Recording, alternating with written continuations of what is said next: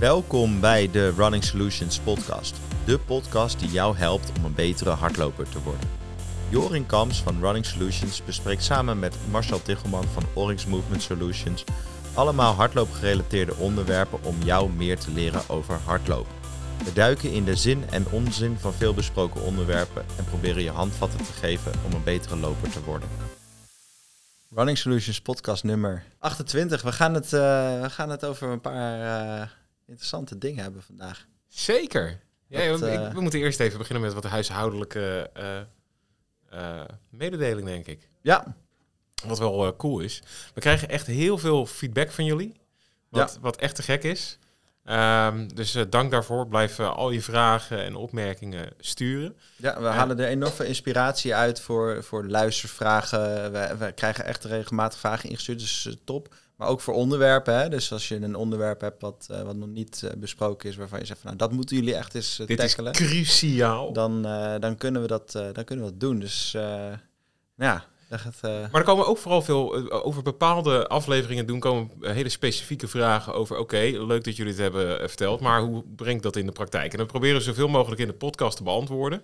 Ja. maar soms gaat het niet helemaal, omdat ja, wij kunnen iets uitleggen, maar beeld zegt dan vaak veel meer. Ja. Zeker als we het hebben over toch meer praktische dus dingen zoals oefeningen. Mm -hmm. we hebben denk ik inmiddels uh, genoeg pleidooien gehouden, uh, gehouden over uh, hoe belangrijk krachttraining bijvoorbeeld is, of aanvullende training ja, techniek, voor techniek kracht. om dat te verbeteren. Maar ja, op het moment dat wij hier zitten te vertellen dat je een of ander raar bruggetje moet maken met je schouder richting het plafond, terwijl je met je hoofd ingedraaid staat, dan kan ik me voorstellen dat het vrij complex is om dat thuis te gaan zitten uitvoeren, of staan uitvoeren, afhankelijk van wat de oefening is. Um, dus wat wij zijn gaan doen, uh, of althans waar we mee bezig zijn, is wij zijn een app aan het, aan het maken. Waar uh, al dit soort oefeningen in komen te staan. Trainingsprogrammetjes, noem allemaal maar op. Ja. Uh, simpel, geclusterd, zodat je makkelijk thuis daar naar kan kijken. kan gebruiken voor je, voor je, voor je exercises. Mm -hmm. dat zijn we nog aan het maken. En binnenkort wordt daar meer bekend over, over hoe dat eruit gaat zien en hoe het gaat werken. En noem allemaal maar op. Ja. Um, maar nu Um, omdat we bezig zijn met uh, het ontwikkelen, willen we heel graag weten uh, uh, wat jij ook daarin zou willen hebben, wat voor jou belangrijk is. Mm -hmm. we kunnen natuurlijk helemaal niet alles gaan meenemen, dat gaan we ook zeker niet doen. En het zal ook niet direct allemaal er zijn. Maar we willen vooral voor jou weten, wat ben je, waar ben je nu mee bezig? Hè, bijvoorbeeld, wat is je PR? Wat is je favoriete afstand? Of wat je, wat je activiteit? Waar train je voor? Wat is je doel? Um, waar loop je tegenaan? En, en wat zijn dingen die je in zo'n app zou willen terugzien? Ja. Um, als je ons dat wil laten weten, dan hoef je niet te gaan mailen, want wordt, uh, jij, jij wordt dan helemaal gek uh, met je Running Solutions uh, e-mailbox. Ja, nee hoor, dat mailen mag altijd, maar het is het beste om het gewoon via de, via de website in ja, te vullen. Zeker, dus ga even naar Oryx, dat is O-R-Y-X app, A-P-P, en vul daar even het, uh, het uh, formuliertje in wat daar staat. De link staat ook in de show notes, dus ja. je kan het uh, daar rustig terug vinden. Zeker. en nou ja, goed, laten we eens even achter, vooral ook wat over wat je aan het doen bent. Dus wat, wat zijn jouw records, waar streef je naar en waar loop je tegenaan? Wat zijn je problemen? Ja. We zitten er erg op te wachten. Alles om voor jou straks die app te kunnen maken, waardoor je nog veel betere resultaten kunt behalen. Ja, nou top. Dat allemaal doen dus. Gaan we vandaag een onderwerp. We gaan een onderwerp bespreken. Dat ja. verbaast me op zich heel erg. Want we zijn nu drie minuten bezig, dus laten we erin knallen. Ja. Dit keer volgens mij een onderwerp wat volledig op één uh, vraag van een luisteraar gebaseerd is. Ja, luistervraag was uh, hoe interpreteer ik de 80-20 uh, procent regel in mijn training? En hoe, hoe kan ik dat nou toepassen? En nou, het onderwerp is dan dus gepolariseerd trainen, zoals we dat dan noemen. Dan, dan, dan heb je het over 80-20. Uh, procent in, uh, in, in duurtraining of in sport, duursport. En uh, nou, gepolariseerd trainen is, is veel besproken, wordt veel over gezegd. En het is ontzettend complex, omdat. en toch eigenlijk ook wel weer heel simpel om het toe te passen. Uh, maar het is voor, voor veel mensen best lastig om dat op zichzelf uh, te interpreteren. Nou, het is vooral vrij lastig natuurlijk omdat je... Uh, dit zijn vrij generieke regels en dat is misschien wel het grote probleem met training aan zich. Hè? Ja. Het maakt niet zozeer uit welk onderwerp we pakken. Je kan het allemaal zo makkelijk en zo moeilijk maken als je wil. Maar wat het, waar vooral de, de, het probleem meestal zit, is de, de, de integratie in het dagelijks leven. Hè? Want je hebt maar zoveel uren de tijd. We moeten ook nog werken. Uiterst vervelend. Ja. Hè, dat gaat allemaal van je trainingstijd af. Dus Mhm. hoe ga je dan dit soort concepten daarin integreren? En we gaan vandaag proberen eh, die 80-20% regel eh, eh, dermate veel handen en voeten te geven dat je het echt daadwerkelijk in je dagelijks leven ook kunt gaan, gaan toepassen. En je, in je structurering van je, van je trainingen. Ja. Ja, en ik denk dat we dan moeten beginnen bij eh, wat, wat is dat nou? Hè? De 80% langzaam en 20% snel eh, trainen zou je kunnen zeggen. Als, we hem, als we hem heel simpel eh, maken. Dus nou, we, we, we, weten, we weten veel over anaeroop en aeroop trainen. Hè? Dus conditie of simpel gezegd verzuring. En eh, die twee systemen die wil je prikkelen als je, als je duursport doet. En dan wat, het, wat je dan zegt met gepolariseerd trainen is... we gaan 80% van de arbeid die we doen in die sport gaan we langzaam doen. Dus dat doen we in het aerobe trainingsgebied. En 20% gaan we in het anaerobe gebied trainen. En daar eh, ga je dus echt eh, hard, snel, eh, doet het een beetje pijn. Ja, dat is het verschil. moe. Hè? De, aan die extreme kant van die 20%, waar het, waar het snel gaat, dat is ook echt om snelheid te ontwikkelen. Ja. Leren hard lopen. En die andere kant, die 80% is meters maken, meters maken, meters maken, meters maken. Ja. Om maar eh, die, die, die ellendige lange 42 kilometers te kunnen volhouden. Ja, als we het over de marathon hebben. Maar dit principe gaat ook op voor een Voor de 10 vijf, kilometer, voor een 5 ja. kilometer. Absoluut. Ehm, en hoe harder je loopt, hoe meer dat dan wordt. Of hoe, hoe vaker je loopt, hoe meer dat dan wordt. Ehm, en, en we hebben het over, over verbrandingssystemen die we trainen. Ehm, en dat aerobe en anaerobe gebied, het is goed om dat te beseffen dat zeg maar, het is nooit het ene of het ander. We hebben dat in een andere podcast ook al wel besproken, maar dat gaat heel geleidelijk. Je bent altijd een beetje anaeroop actief. Eigenlijk als je begint met hardlopen, of helemaal onderaan het systeem niet, maar vrij snel komt dat meedoen. En eh, dan zie je dat je steeds meer van een, e- het ene dan het andere systeem gebruik maakt. Dus als je langzaam loopt, dan heb je over het algemeen lage hartslag. En dan, dan zi- zit je dus voornamelijk in dat aerobe systeem. En hoe harder je gaat, hoe meer dat anaerobe systeem op komt zetten. En dat anaerobe systeem dat karakteriseert zich door voornamelijk uit koolhydraten energie te putten. Dus dat is uit, uit eh, suikers. En dat is niet zo heel efficiënt. Dus één, één eh, energiemolecuul eh, die je uit een suiker haalt, dat staat gelijk aan ongeveer 7 die je uit een vet haalt. Dus, dus 1 gram vetten, dat levert veel meer energie op dan Calorieën, 1 hè? gram eh, Letterlijk. koolhydraten. Ja, ja, ja, zeker. Ja. En 1 gram, ko- 1 gram koolhydraten is volgens mij 4 calorieën en 1 gram vet. Jij zei 7, ik dacht dat het 9 was. Dat ja, nee, ik, noem, ik noem een getal. Het, Volgens mij was het aan 9, mijn hoofd exact. 9 calorieën haal je uit vetten. En 4 calorieën zitten in een gram suiker. Dat geeft ook eh, direct trouwens aan... eh, is meer dan keer twee, hè? ja, dat is heel veel. Ja. Daarom, Ja, moet je dus- ook, eh, daarom kan je relatief weinig vet eten en toch heel veel energie eruit halen. Zeker, ja. Ja, en wat, dus, wat je dus ziet is als je die, eh, die 80-20 regel aanhoudt, dan betekent dat dus dat je 80% van de training voornamelijk in de vetverbranding loopt. Dus in een lage hartslag. Alleen in de, in de praktijk, wat doen de meeste hardlopers? En eh, dat zie ik heel veel bij de geblesseerde sporters die hier komen, dat bij de inspanningstesten die we bij mensen doen. Eh, als we dan gaan kijken naar hun data, dan wa- wat de meeste mensen doen, is die trainen in het gebied net tussen het langzame en het snelle gebied in. En dan, ja, als je het over gepolariseerd trainen hebt, dan is dat het grijze gebied waar je niet wilt trainen. Ik moet trouwens heel eerlijk bekennen dat ergens lang, lang, lang geleden, toen ik nog niet zo, eh, nog niet zo heel erg ermee bezig was en vooral enthousiast aan het trainen was, dat ik mezelf ook schuldig heb gemaakt aan eh, te veel in dat grijze gebied zitten. Puur omdat het lekker is, daar kan Ja. je tempo maken, je kan het super lang volhouden. En toch, en toch is het absoluut geen goed idee. Ik kan me nog herinneren dat ik bij de sportarts kwam en die zei, je hebt een, er stond ook op dat rapportje dat mijn conditie was superieur. Nou ja, ik ging natuurlijk zo trots als een pauw, ging Ja. daar weg. Eh, maar hij had wel de kanttekening. Jij moet veel langzamer gaan trainen. Ja. Nou, dat heeft me een paar dagen gekost voordat ik eroverheen was. Ja, dat is accepteren, hè? Dat is Ja. even over je ego heen eh, ja, stappen. ja, ja, Wat bij mij moeilijk is, dat weten we allemaal. Groot ego. ja, ja, ja. Nou, wat, wat, je, wat je zou kunnen zeggen is dat grijze gebied is... Wa als we, als we kijken naar verbranding, hè, we, we zeiden net al, je gaat voornamelijk uit vetten verbranden. En op een gegeven moment gaat dat koolhydraatverbranding steeds meer de overhand nemen en gaan die vetten naar nul, uh, naar nul toe. Hè. Dus haal je helemaal niks meer uit vetten. En uh, wat je ziet is dat als je je duurtraining wil doen, dan wil je dus nog voornamelijk uit, uit die vetten je energie halen. En zodra die koolhydraten de overhand nemen, dan stap je eigenlijk dat grijze gebied in. Overigens is het wel even misschien belangrijk om ook even te duiden wat het verschil is tussen waarom maakt dat lichaam nou gebruik van vetten dominant? Mhm. Of waarom gaat, schakelt het op een zeker moment over op suikers? Waar zit precies dat verschil in? Ja, dat heeft te maken met, met de demand, dus de, de hoeveelheid energie die je nodig hebt om te kunnen doen wat je aan het doen bent. En uh, wat, wat je dus ziet is, naarmate je sneller gaat hardlopen, dan ga je meer energie nodig hebben en moet het lichaam dus veel sneller energie leveren.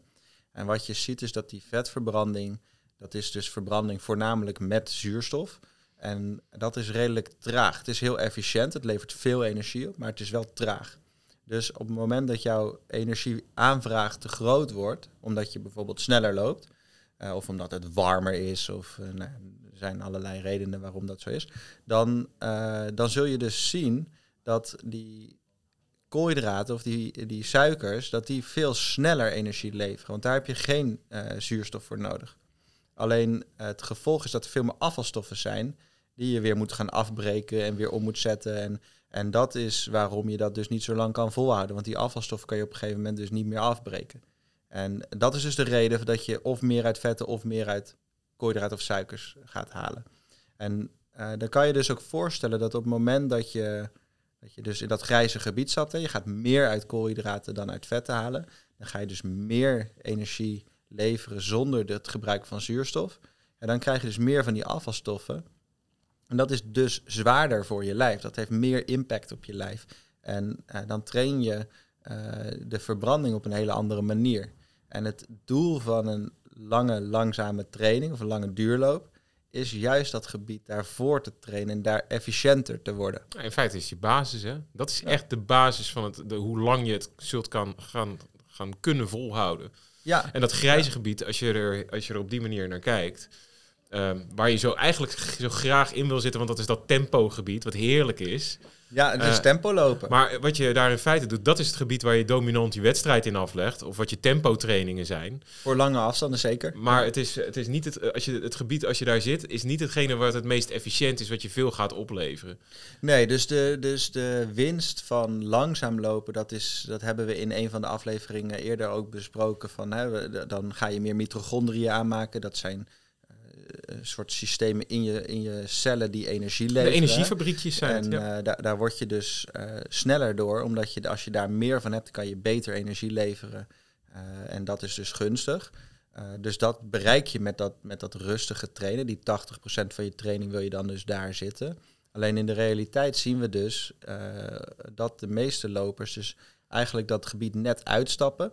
En wat er dan gebeurt, is dan ga je eigenlijk hijgen. Dat heb je met die zone 1 en 2 trainingen heb je dat niet zo. Hè? Dus het Daar kan je nog een mooie volzin van Harry Mulisch gewoon uitspreken als het goed is. Nou ja, je kan hele gesprekken voeren. En, uh, en als je dat Ik kan... probeer dit wat poëtischer te trekken. ja, ja, ja. je mag het wat mij betreft, kan je het overal over hebben. Hele encyclopedie kun je opdreunen. Zolang je nog maar gewoon een heel gesprek kan voeren zonder dat je buiten adem bent. Dan weet je zeker, dan zit je in dat lage hartslaggebied. Dat is trouwens altijd echt veel, veel lager gevoelsmatig dan dat je zou willen zitten. Dat is natuurlijk ja. wel het hele vervelende. Maar het dat voelt zo sloom. Het is net en, zoals met krachttraining. Op het moment dat je niet voelt dat die spieren zijn aangesproken, ja. dan denk je dat je niks gedaan hebt. Maar je hebt juist heel maar veel je hebt juist heel veel gedaan. En op het moment dat je gaat voelen dat je iets gedaan hebt, dan heb je effectief misschien wel echt ook iets stuk gemaakt, waardoor je super lang moet herstellen. Ja. Uh, in plaats van dat je uh, heel veel doet en morgen alweer kan. Ja, ja. ja en, en dat, is, dat is een goede, hè, wat je daar zegt. Dus die mensen die stappen dus die, die stap van zone 2 naar zone 3. Hè, dus dan, ga je tempo lopen. Uh, en dan kan je dus niet meer zonder op adem te komen uh, goed gesprek voeren. Dus je moet dan steeds naar elke zin echt naar adem happen, wat je daarvoor dus niet had. En dan zit je dus in dat gebied waar je nog wel een beetje uit vetten haalt, maar voornamelijk toch wel uit die suikers. Niet zo heel efficiënt. Veel afvalstoffen, dat, dat, dat loopt op in je lijf. Hè. Denk Dus, je snel leeg? dat, dat, dus je trekt gewoon die energie leeg. En die voorraad is, die is niet zo groot, dus je kan niet heel lang volhouden. En dan zie je dus dat, eh, dat het effect van die eh, training op dat energiesysteem om, om het langer vol te houden, dat is niet zo groot. Dat is minimaal. En het effect van snelheid is er ook niet echt, omdat je net te langzaam gaat en net niet intensief genoeg om dat te prikkelen. Dus dat grijze gebied wil je daarom niet. Nee, niet samenvattend, je probeert alles en daardoor doe je net niks. ja, en het, en het stomme is dus, het voelt zo lekker. Want je, je hebt dan hard gelopen, je hebt intensief getraind. Je hebt ook de het perceptie terwijl je aan het lopen dat het hard gaat. gaat ook hard, maar het, het, als, als resultaat net niks. Nee. En dat gaat in het begin wel, maar op een gegeven moment gaat dat niet meer. Kortom, samenvattend, je moet echt veel langzamer trainen dan je misschien Denkt of voelt. intuïtief zou willen. Ja, Want dat is het ook. Hè? Je, je, daarom is het trouwens ook heel belangrijk. En het is niet zozeer dat ik nu eh, hier allerlei dingen ga zi- zitten promoten. Maar daarom is het cruciaal om een keer een goede eh, inspanningstest te doen. Om die drempelwaardes ook echt goed in kaart te brengen. Dat je zeker weet dat je niet in die verkeerde zone terechtkomt. Ja. Omdat simpelweg in de verkeerde zone terechtkomen, in dat grijze gebied, is, dat is leuk. Maar ook gewoon een hele, eh, nou, niet zinloze, maar wel een, moeilijke besteding van je tijd die niet lekker rendeert. Dus een goede, echt, echt inzicht in jouw zones. dat is dat- heel belangrijk. En dat is niet zo'n testje wat je met je hor- horloge kan doen. Of eh, wat is het? Je hebt uh, Astrand, een Carvone test. En dat kan je je hebt allemaal. van eh, alles. Ja, je hebt ja. van alles en nog wat, een hele batterij.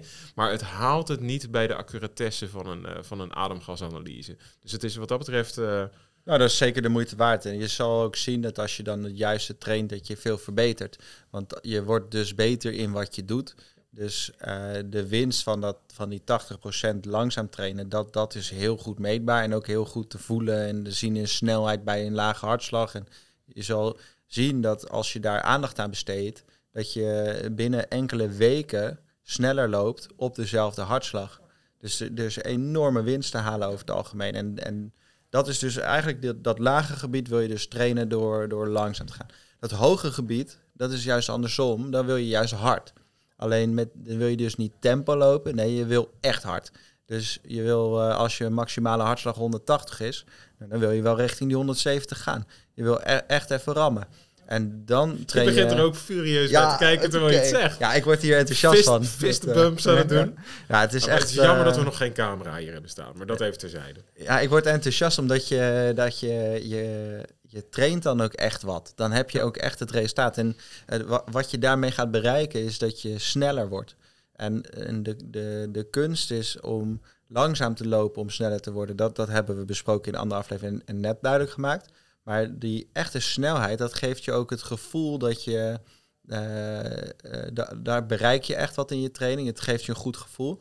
En maar wat je, wat je ook gaat krijgen is dat als jij bijvoorbeeld eh, een, eh, eh, een kilometer hard gaat, en laten we zeggen dat je dat in eh, bijvoorbeeld vier minuten doet of in 3,50, eh, dan, eh, en je doet dat een keer vier of vijf of zes, dan, eh, dan word je daar echt sneller van. En dan voelt die vier minuten voelt echt hard.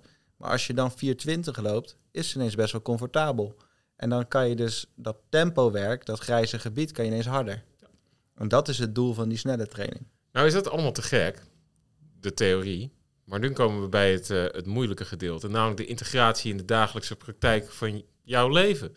Ja, hoe pas je dit eigenlijk toe? Precies. En nou kan ik een beetje rekenen. En als je over eh 80-20 praat, dat kan je schitterend in vijf trainingen opdelen. Maar niet iedereen traint vijf keer per week. Nee. Dus op het moment dat je trainingen gaat reduceren, je gaat naar vier, of je gaat naar drie, of je gaat naar twee, dan wordt het toepassen van die 80-20% regel natuurlijk wel wat problematischer. Dus daar moet een oplossing voor komen.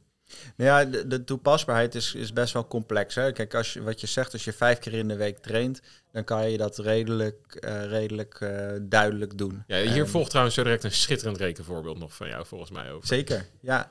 wa- wat, je, wat je zou kunnen zeggen is, als je twee keer traint, is niet te doen. Eh, Nee. Dat is gewoon, daar gaat het niet gebeuren. Ja, dat is een 50-50 training, zo simpel is het. Ja, om en nabij. Ja. Ehm, Maar zodra je naar drie keer in de week gaat, dan wil je toch eigenlijk echt wel één keer uh, heel uh, langzaam en, en dat, dat lage gebied. Je wil één keer echt hard en, en dan zou je de, die derde training zou je kunnen variëren tussen rustig, snel of tempo werk. En dan, dan kan je het een beetje variëren. Maar dan kom je om en nabij op die, die 80-20. Dus dat is een mooi voorbeeld. Een ander ding is op het moment dat jij gaat intervallen, dus dat die, dat 20% van die dat je snel gaat, dan een intervaltraining, dan loop je het overgrote gedeelte van die sessie ook nog langzaam. En dat is goed om te beseffen. Dus stel je voor, je doet uh, vijf keer een kilometer. En dat is, dat is de intervaltraining, waarbij je 400 meter uh, pauze neemt. Uh, dus je doet een kilometer hard, 400 meter rustig, kilometer hard, 400 meter rustig enzovoort. Um, dan moet je een warming-up doen. Dus laten we zeggen, je doet drie kilometer warm lopen. Dan moet je een cooling down doen, laten we zeggen drie kilometer. Dus dan heb je je warming up is 3 kilometer, cooling down 3 kilometer, zit je op 6. En je hebt dus 400 meter pauze tussen die kilometers. Nou, je hebt vijf keer een kilometer, dus je hebt vier keer die pauze, dus zit je op 1600 meter. Zit je op bijna 7 kilometer rustig. In de training, ja, dat telt waar aan. je dus 5 kilometer maar hard doet. Ja. Dus dan ben je het overgrote gedeelte van je training alsnog in dat lage gebied aan het trainen. En uh, zo kom je dus ook makkelijker aan die 80-20 regel. Want die, die intervaltraining is niet 100% uh, in dat 20% gebied. Dat is voor het grootste gedeelte nog steeds in die 80% van de trainingen. Uh, dus dat, dat is heel goed om te beseffen dat je dus in zo'n in een snelheidstraining dus ook heel veel rustig loopt. En als je dan uh, gaat bekijken naar je weektotaal, stel je voor je doet vier keer in de week trainen, je doet een duurloop, je doet een intervaltraining met korte intervallen, je doet een, uh, nog een duurloop en je doet een intervaltraining met uh, langere intervallen. Nou, dan die twee intervaltrainingen is dan eigenlijk 50% van je training. Maar door die reken, uh, de rekenvoorbeeld dat ik net uitleg, ja, dan kom je dus wel op die 20% van je training uit. En dan klopt het ineens wel. Ja. Dus je moet kijken naar de totale omvang die je maakt. Daarvan wil je dat 80% rustig is. En dat kan dus ook betekenen dat je in intervaltrainingen uh, daar een deel van rustig doet en, en de, dus je pauzes en je in- en uitlopen, dat je daardoor op die 80% komt. Ja, en ben je nou echt serieus goed getraind, dan is het zelfs nog een overweging om in te lopen, aantal intervallen te doen, misschien even iets langere uh, rustpauze nemen en vervolgens alsnog uh, 30, 40, 50 minuten misschien wel een duurloop te doen. Dat is in principe zou dat kunnen. Dat, in andere sporten is dat uh, zeker wat goed werkt. Alleen je moet er wel voor zorgen dat je kwaliteit altijd aan het begin van je training zit. Die moet je dan niet aan het einde gaan. Ja, anders ga je onder vermoeidheid. Ja, uh, ja dat is altijd een slecht idee. Ja, ja. en, en de, de, dit, dit is echt een voorbeeld waarbij je wel echt wel al ver in je training moet zijn. Want dit, dit kunnen de, de, de echt gevorderde lopers kunnen ja. dit wel, wel eens toepassen, maar niet, niet vaak. Nee, dat zijn wel de happy few. Ja, maar dat is wel een, een goede uh, opbouw zeg maar, van je training. Dat je dus die intervaltrainingen dus ook ziet als een, als een deel van, uh, van het geheel goed, dus om, om te zien dat je dus eigenlijk lijkt het 50-50, maar dat is dan niet zo. Wat je dan niet moet gaan doen en, is bijvoorbeeld vijf keer intervallen, waarvan je dan zegt, ja, maar de in- en uitlopen en alles is nog steeds 80% van het trainen. Want dan ben je alleen maar hard aan het trainen natuurlijk. En wat, wat je moet beseffen is dat als je zo'n intervaltraining doet, ondanks dat een klein gedeelte van die totale sessie, laten we zeggen 40, 50% van, de, van die sessie is dan hard, dan is de hersteltijd wel echt vele malen groter dan ja. van zo'n duurtraining. En dat moet je wel beseffen. Dus je kan niet interval op dinsdag, interval op woensdag doen. Dat is te dicht op elkaar. Er zit zo'n 48 tot 72 uur hersteltijd voor. Dat betekent niet dat je niet kan hardlopen, maar dat betekent dat je langzaam, langzaam. moet hardlopen. Ja. Dus dat, dat je dat herstel ook echt uh, ja, actief doet. Dat kan wel, maar je kan niet uh, twee keer achter elkaar hard. Dat is niet verstandig. Ik ben het uh, volkomen met je eens. Dus voor de toepasbaarheid zorgen ervoor dat je de snelle training afwisselt met die rustige trainingen. En dan pak je ook veel makkelijker die 80-20 regel uh, ja, in, je, in je training toepasbaar. Kortom, puzzelen. Dat is het eigenlijk. Ja. Alles opschrijven, uitschrijven vooral. Ja. En dan gaan noteren en, en, en rekenen. Ja, en wat, wat leuk is, is het gaat natuurlijk over trainingsleer dit. Hè? we hebben een keer een, een aflevering gemaakt ook over hoe je dat dan uh, in, in cycli maakt. Hè? Doe je dat in micro, macro, mesocycli. Dat je, ga je in een maand denken, ga je in een week denken, ga je in een training denken. Nou, dat, dat, soort, dat soort dingen. En wat we zien is dat de meeste mensen natuurlijk een week eh, planning maken. Dus die, die trainen zeven dagen. eh, of die maken een, een trainingsschema over zeven dagen. En eh, wat, wat interessant is, is dat die 80-20% regel op zeven dagen best wel complex is. Hè? Dus Die is uiterst complex. Tien dagen, is geen, eh, vele malen makkelijker zijn. ja, de, ja, ja, tien dagen eh, schema's. Dan kan je dus veel makkelijker, want we hadden het net over 48 tot 72 uur hersteltijd na een zware training. En als jij niet gebonden bent aan vaste momenten om te trainen, want we moeten goed beseffen dat heel veel mensen natuurlijk gebonden zijn aan, aan werk, aan familie, aan, aan allerlei andere verplichtingen. Eh, de atletiekclub die eh, op dinsdag en op donderdag traint of op een andere dag, maar eh, dat zijn vaste momenten in de week. Maar als je daar niet aan gebonden bent, dan is het best wel relevant om te zeggen van nou, misschien moeten we het niet in zeven, maar in tien dagen plannen. Dan wordt het ook veel makkelijker om die regel van 80-20% toe te passen. Omdat je meer tijd tussen je zware trainingen kan houden. Dus als je dinsdag, woen, of dinsdag donderdag zwaar traint, intervallen, en dan wordt het best wel lastig om die regel toe te gaan passen. Als je maar vier keer traint. Maar als je tien dagen zou kunnen uittrekken, ja, dat is natuurlijk super. Ja, nee, ik ben het helemaal je eens. Ik, eh, ik ben daar zelf ook altijd eh, fan van om die manier in te delen. Maar dan wel, eh, je probeer dan wel... Ik denk dat het alleen mogelijk is op het moment dat je hele vaste momenten hebt. Wel gewoon de vaste dagen in de week. En dat je daar je trainingen dan in gaat proberen te, in te passen.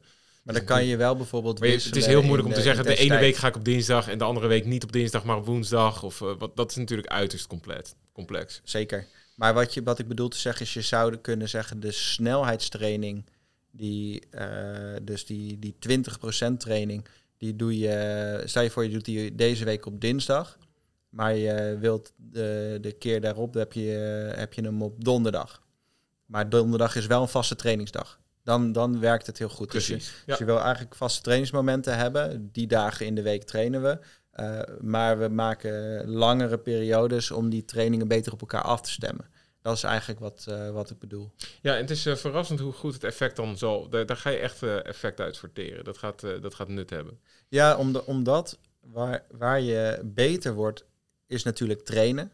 Alleen training zorgt voor schade. Zorgt dat er, dat er dus iets gebeurt met je lijf waar die van moet herstellen. En het, het beter worden doe je door te herstellen en op het juiste moment weer die volgende prikkel te geven. Dus als je te vroeg of te laat traint, heb je dat rendement veel ja, minder. prikkel minder. Dus het, het valt of staat wel een planning. En Ja. dat moet je proberen echt zo nauwkeurig mogelijk af te stemmen. En dan kom je dus op die 48, 72 Ja. uur eh, uit. Dus daar, daartussen. Dat is om en nabij het gebied waar je, waar je mee rekening mee moet houden. En de een zal iets sneller zijn, de ander iets langzamer, maar ongeveer. En als je harder traint is het meer, als je langzaam traint is het minder. Dus dat, dat, dat spreekt voor zich, is denk ik be- best wel duidelijk. Eh, maar daar, eh, daar moet je, als je die 80-20% regel houdt, hanteer dat dan wel dat je na een interval, na een s- 20% training, het afwisselt met die 80% training. Volgens mij volkomen duidelijk. Goeie, goeie ingestuurde vraag, denk ik. Zeker, zijn er blij mee. Dus, eh, en heb jij ook een vraag wat je wat dieper uitgewerkt zou willen hebben? Eh, schroom niet, mail even Mail naar... even. contact@runningsolutions.nl. En eh, we hebben een luistervraag specifiek bij deze aflevering. Die heeft helemaal niks met dit onderwerp te maken, maar we gaan hem wel beantwoorden.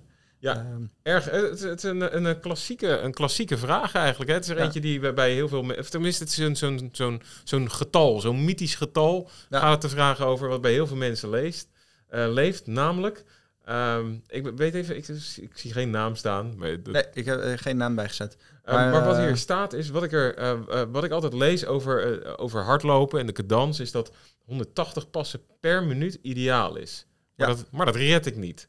Eh, misschien haal ik wel eens een keer een piek in een intervaltraining, maar het lukt niet tijdens een tempoloop en zeker niet bij een lange duurloop. Ehm, en dan geeft hij een voorbeeld over dat hij vandaag 165 passen per minuut liep. Waarbij ik even de kanttekening trouwens wil maken dat eh, 165 passen per minuut, dat kan niet. 80, 82, dat lukt wel. maar we hebben het hier over stappen. Ja, ja, ja. Ehm, eh, maar hij liep wel 165 stappen, dus eh, over 11 kilometer. Ehm, en hoewel dat misschien in zo'n training niet zo erg is, zou hij toch graag bij de volgende wedstrijd, eh 5 kilometer wedstrijd, onder de 21 minuten lopen.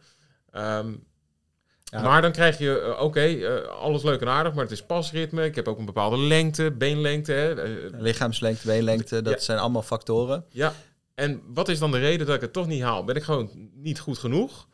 Uh, of ben ik überhaupt slecht in, in sprintwerk? Um, en vervolgens zegt hij, mocht ik mijn pasritme verhogen, verhogen. Zou, zou, ik dan wel mijn doel halen? Zou ik dan wel mijn doel halen? En dat is, even kijken, de 4 minuten 10 per kilometer. Uh, waarvan hij vindt dat wij dit vast heel langzaam vinden. Nou, nee, dat is niet waar. Dat vinden wij vinden wij supersnel. Ja. Uh, nou ja, sterker nog, dan loop je bijna 15 per uur. Dat is serieus, ja, serieus tempo. Dat, uh, ja. als, we, als je daarmee een 5 kilometer loopt, dan zit je bij de eerste 10% ongeveer. Dus dat is echt wel hard. Ja, dat is serieus dat, tempootje. Ja. laten we die vraag eens beantwoorden. 180 passen per minuut, dat lees je overal. Ja. Nou, we hebben er een hele podcast aan gewijd, maar Oh, we, ik heb- ja, het helemaal aan het begin. Ja. Dus eh, een jaar of twee terug. Ja, en ik denk dat het afgelopen jaar is er nog een hele studie, een eh, systematische review is er uitgekomen over dit eh, onderwerp. Dat is fascinerend en er is eigenlijk geen enkele goede wetenschappelijke evidentie die ondersteunt dat 100, st- 180 stappen per minuut dat dat de he- heilige graal is. Ja, er is, eh, dat, dat is volgens mij gebaseerd op dat het super simpel te meten is. Want het is Dat gewoon is een accelerometertje in je horloge, dan, dan ben je er. Nou, je moet het een beetje vergelijken ook wat dat betreft met, eh, met wat er destijds met schoenen is gebeurd. Hè. De, schoenen, de hardlopen werd eh, populair in de jaren 80. Je had de, de running boom in, Ja. in de Verenigde Staten, die later in de jaren 90 ook nog eens is geweest. En wat er toen gebeurde was dag- dat ze dachten, als we nou een bepaalde feature in een schoen ieder jaar door wetenschappelijk onder- eh, onderzoek kunnen pushen, dan hebben we daar een heel mooi marketing tooltje. En dan kunnen we meer schoentjes verkopen. En als je uiteindelijk gaat kijken naar de evidentie over schoenen, waar we ook een hele podcast over hebben gehad, dan is dat Niet gewoon. nee, sterker nog, het is gewoon helemaal nee. niks. Maar wa- wat je En dat is hier ook zo. dat ook. Ja, Iedereen want- heeft een horloge, een Polar, een Garmin, wat dan ook. kun je meten. En het is de, een van de allermakkelijkste eh metrieken om, eh, om, eh, om in kaart te brengen. Dus je hebt alleen maar een accelerometer nodig en elke impact is een stap, zo simpel is het. Ja. Ehm, en op het moment dat je daar als marketeer nou eens een keer een, een getalletje aan zou kunnen hangen. Nou, ze hebben toen helemaal way back, ik, ik weet de naam van, de- van die onderzoeker niet, maar toen hebben ze gekeken naar wat de pasfrequentie was bij een aantal van zijn lopers op een 10 kilometer. En eh, dat waren dan echt serieus, gewoon 27, 28 minuten 10 kilometer lopen ze. Serieuze En tempo's. ja. eh, nou, dan zaten ze inderdaad zo op pak een beetje 180 eh, stappen per minuut. Ehm, en die, die data hebben ze toen gebruikt voor, voor, voor, die, voor die 180 stappen. ja, dat noemen ze dan best practice. Alleen dat zijn natuurlijk wel toplopers. Ja. Dus om het te nuanceren, wat we, wat we zien. Als we een toploper meten en laten we zeggen, we beginnen op 9 km per uur en we gaan elke keer een kilometer per uur harder tot 20 km per uur. En we pakken de pasfrequentie van die, van die loper. Dan zul je dus zien, bij 9 km per uur zitten ze pak een beetje op 160 stappen. En eh, naarmate ze sneller gaan, zal je zien dat die pasfrequentie lineair omhoog gaat naar plus minus 185 stappen. Sommigen halen 190 geloof ik, maar de, dat, daar, dat, dat is een beetje de bandbreedte. Ja. Eh, als we dan kijken naar paslengte, zien we exact hetzelfde. Die beginnen bij eh, pak een beetje 2 meter. Gaan ze harder, dan worden die passen steeds groter. Ga je langzamer. Nou, bij, bij de snelheid gaat het dus omhoog. Hè? Dus, eh, dus Ja. meer passen per minuut en grotere stappen. Dat Ja. is wat toplopers doen. Ja, het is aan elkaar gekoppeld. Ja. Pas, cadans en paslengte zijn aan elkaar gelinkt. Dat is trouwens met wandelen net zo. Ja, ja, dat heeft alles te maken met hoe ons lichaam in elkaar zit. Die twee dingen die zijn eh, direct aan elkaar verbonden. Ja, en dat is heel simpel ook, hè? want paslengte keer pasfrequentie is je snelheid. Precies. Dat, eh, wa- wat je dus ziet is dat als we bij toplopers op lage snelheden kijken, dat die dus lagere pasfrequenties dan 180 doen. Dus dat is het eerste ding wat we daarmee getackled hebben. Die 180 is dus niet heilig. Eh, Verre maar wat, wat dan wel? Nou, dan hebben we lichaamslengte is van invloed. Dus ben je langer, heb je vaak langere benen, heb je over het algemeen een lagere pasfrequentie. Ja. Ehm, loop je minder hard, heb je dus een lagere pasfrequentie. Ehm, en als je sneller gaat, dan zou je dus verwachten dat die omhoog gaat. Nou, waarom mensen dan toch 180 stappen willen lopen, of waarom dat vaak gezegd wordt, eh, en dan is het argument, dan nemen we de impact Ja. Weg, of eh, die die neemt wordt, af. Nou, die wordt kleiner. ja, we gaan minder. De kans ook dat je gaat krijgen. overstriden, dus dat je te ver met je voet voor je lichaam zwaartepunt landt, waardoor er heel veel druk op je knieën zo komt, Ja. neem je daar ook mee weg. Je gaat dichter onder je lichaam landen. Eh, daardoor krijg je de krachten die door het lichaam gaan lopen, die zijn meer verticaal. Exact. Uh, dus dat betekent dat het gewoon een stukje makkelijker te verwerken is. Ja. Minder blessurerisico. Tada. En dat is waar, hè? Dat is, dat is ook zo. Maar de vraag is, is pasfrequentie dan hetgeen wat je daarvoor moet gebruiken? Of moet je gewoon die overstride verlagen? En wat je zal zien is dat de meeste mensen op een laag tempo een zeer lage pasfrequentie hanteren en daardoor een hele grote overstride gaan maken. Dus een te ver voor hun lichaam landen. En dat wil je dus niet doen. Dus je wil wel dichtbij landen. En dat is ook op snelheid weer anders. Maar uh, plus uh, minus uh, 5 centimeter tot, tot 25 centimeter voor je lichaam. Maar dan ben je goed, hè? Dan, ben je echt goed. Als je 25 centimeter voor je lichaam kan landen, dan heb jij een superieure controle over je bekken en daarmee over je De meeste mensen zitten rond de 10 centimeter. Ja, moet je hele goede hamstrings hebben. En de praktijk is inderdaad dat de meeste mensen ergens tussen de 0 en de 10 centimeter zitten. Dus dichtbij landen. En, en dan is het zo dat we wel zien dat onder de 180 stappen per minuut toch wel uh, meer blessures oplevert. Er zijn best wel wat onderzoeken die laten zien als je dat maar niet doet, dan is de kans op blessures kleiner. Dus dat is absoluut aan te raden. En dan ja, dat heeft alles te maken met leg stiffness. Hebben we ook ooit een hele podcast ja. aan gewijd. Dus antwoord is 180 is niet heilig. Minimaal 160 tot 165 is, is wel uh, aan te raden. En uh, als je harder gaat, gaat die mee omhoog.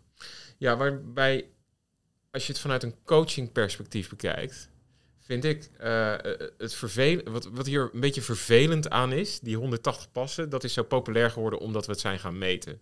En daar zijn we een bepaalde waarde aan gaan toekennen.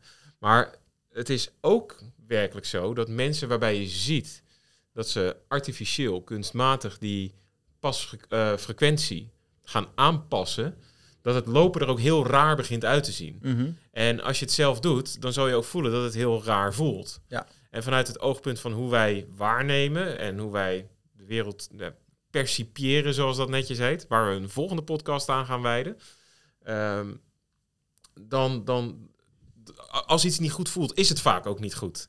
En het rommelen in zo'n pasfrequentie, dat is best wel een risicovol iets, zoals je al zei, omdat je allerlei andere ellende kan introduceren. Ja. Dus gebruik het meer als een monitoring ding, dat je weet van oké, eh, ik loop zoveel uh, stappen of passen per minuut. Mhm. En dat kan een leidraad zijn waarbij je bepaalde trends kunt waarnemen, die je kunt linken aan bepaalde snelheden die je loopt. Ja. Maar als coach zou ik nooit gaan rommelen in iemands pasfrequentie. Simpelweg omdat ik niet weet wat voor jou perfect is. Nou, over het algemeen eh, heb je de self-selected cadence, hè, zou je Ja. kunnen zeggen. Ja, Dus nou ja, je zelf, lichaam die- dat heet zelforganisatie Ja, die- die in, de, in de dat. literatuur. Maar, maar dat is dus op het moment dat je dus hele lage pasfrequenties ziet, dus 150 of 140 eh, per minuut, dan is er waarschijnlijk een oorzaak in een te grote stap.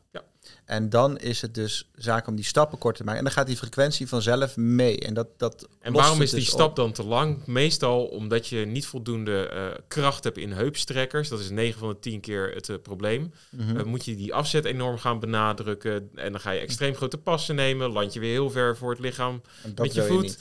en dan krijg je weer de ellende die we zojuist beschreven. Het is, wat dat betreft haakt het allemaal in elkaar. Ja. Dus die 180 passen, dat is, dat is een, een makkelijk foefje om ervoor te zorgen dat je pasjes heel kort worden en blessurerisico omlaag gaat.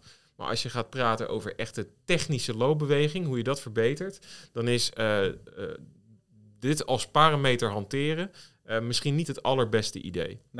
Nee, dus dat, dat moet je dus eigenlijk vooral niet veel. wij, we- ja, wij hechten niet zoveel waarde aan. Dat, is goed om te, te controleren. Zorg dat als je harder Ja. gaat, dat die mee omhoog gaat. Dan, eh, anders ga je wel hele grote stappen zetten. ja. Grote stappen snel thuis was het toch? Ja, ja zeker. Ja. Nou, dat is, eh, dat is hem voor vandaag, denk ik. Zeker. Dus eh, ik hoop een duidelijk antwoord op je vraag. Eh, mocht die niet helemaal beantwoord zijn, laat het gerust mee weten via de mail. En eh, mocht je andere vragen hebben, laat het ook weten, zoals eerder ook benoemd. En dan, eh, dan zien we je of horen je bij de volgende. En vergeet vooral niet om nog even naar www.orix.app te gaan en daar het formuliertje in te vullen met eh, alles wat jij zou willen terugzien in een training app. Yes.